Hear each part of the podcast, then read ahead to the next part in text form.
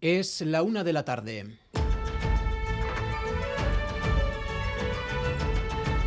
Crónica de Euskadi con Imanol Manterola. A Rachaldeón es lo que en jerga negociadora se denomina un win-win. El gobierno de Pedro Sánchez apuntala definitivamente su legislatura hasta el final, garantizándose la aprobación de los presupuestos. Y Pera Aragonés exhibe resultados en su estrategia de negociación con el Estado. Es la doble consecuencia de la reforma del delito de sedición que rebajará la pena máxima de 15 a 5 años. De hecho, desaparecerá la sedición como tal del Código Penal. Avui fem un pas endavant en el camí de la resolució del conflicte polític. Avui fem un pas important per posar fi a la repressió sobre el moviment independentista. Es la valoración de Pera Aragonés como un paso adelante en la resolución del conflicto político, mientras los partidos del gobierno PSOE Unidas Podemos insisten en que con esta reforma la legislación se equipara a la europea. Esquerra deja de hablar de suprimir y empezamos a hablar de europeizar el delito de sedición para, como digo, homologarlo a otros delitos de orden público. Así que el término europeizar. Esto no es ninguna traición o humillación en España, como dice la derecha. Esto es democracia y equipararnos a Europa. Pero, Irache Ruiz, entonces, ¿esto qué supone para los ya condenados como Oriol Junqueras y los que todavía no están juzgados como Carlas Puigdemont? Pues Marta Rovira, empezamos con ella, secretaria general de Esquerra, solo está procesada por sedición. Si vuelve a Cataluña, sería juzgada y condenada con una pena mínima pudiendo evitar la cárcel. Junqueras, condenado e indultado, sigue inhabilitado, pero podría haber restituido su derecho a presentarse a las elecciones de 2025, al igual que los Jordis o Carme Furcadell. Puigdemont lo tiene peor, contra el expresidente seguiría pesando el delito de malversación por lo que si decidiera volver sería condenado a prisión.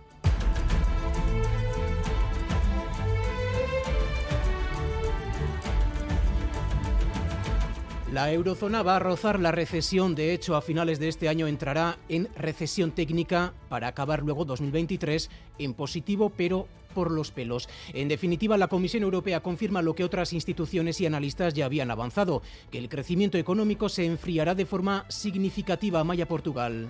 La Unión Europea y la Eurozona comienzan su camino a la recesión. La Comisión Europea espera que la mayoría de Estados miembros encadenen dos descensos, el último trimestre de este año y el primero del siguiente. Paolo Gentiloni, comisario de Economía. The economic situation has deteriorated markedly and we are heading into two quarters of Recesión técnica, por tanto, espera empezar a remontar en primavera, pero no en el caso de la locomotora alemana, que acabaría el 2023 con un menos 0,6. El Estado español sería de los pocos en no entrar en recesión, con un solo negativo en este trimestre. En cuanto a la inflación, Bruselas cree que está a punto de tocar techo, con la previsión de que se acabe el año en la eurozona en el 8,5. En Euskadi, el año que viene, todas las familias con niños de entre 0 y 3 años tendrán una ayuda de 200 euros al mes.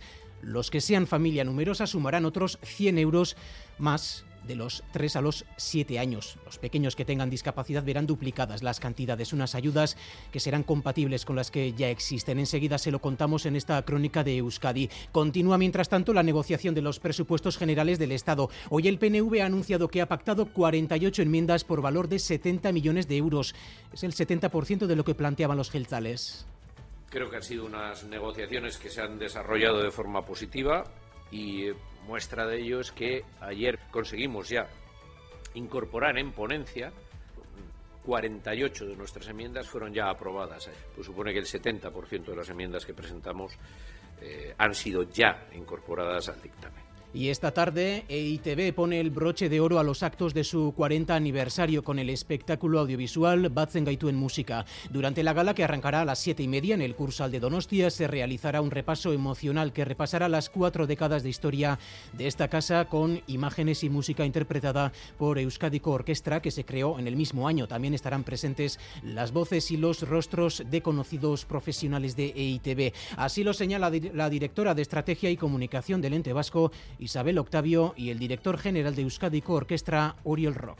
Va a ser un concierto de la mano de la Orquesta de Euskadi, de la Coral EASO, acompañado de imágenes que, han sido protagonistas en estos 40 años de vida de, de ITV, con protagonistas y profesionales nuestros de la radio, del mundo de la televisión. Será un recorrido que, bueno, a todos los que puedan eh, asistir lo van a disfrutar mucho, muy audiovisual, muy emocional, con muchas cosas y apartados en los que la tele y en algún momento también la radio, pero sobre todo la televisión, nos ha acompañado durante estos 40 años. Vamos ahora con los titulares del deporte. Álvaro Fernández Cadierno, Arrachaldeón. Arrachaldeón con la gran noticia de los últimos minutos, la lista de Luis Enrique para el Mundial de Qatar, lista con dos jugadores del Athletic, Unai Simón y Nico Williams, y ninguno de la Real Sociedad. También han sido citados el Navarro César Azpilicueta y el Donostierra de Nacimiento Hugo Guillamón. Y en baloncesto, Hoy tenemos Euroliga, 8 de la tarde en Atenas, Panathinaikos, Basconia.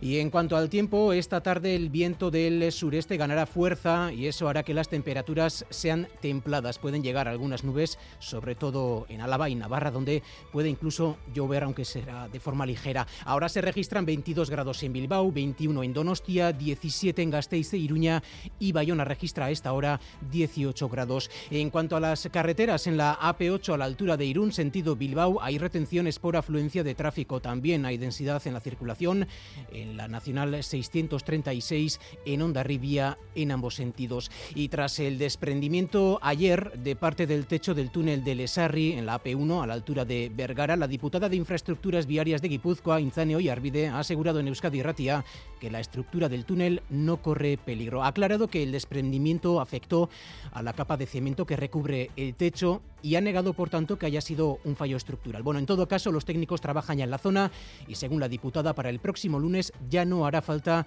el bypass activado en el túnel en dirección a Vitoria-Gasteiz será reabierto. Estrukturalki ez dago inolako arazorik. Tunelaren estabilizazioa edo ez dago inolaz ere arriskuan e, tunelak ez dauka inolako arazorik. Orain arte ez du inolako zentzurik eman hor arazorik zegoenik. Aztertu beharko dute sakonago e, teknikariek. Ez da ohikoa eta normalean gainean egoten gea, eh?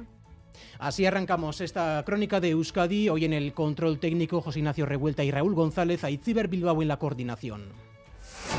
Crónica de Euskadi con Imanol Manterola.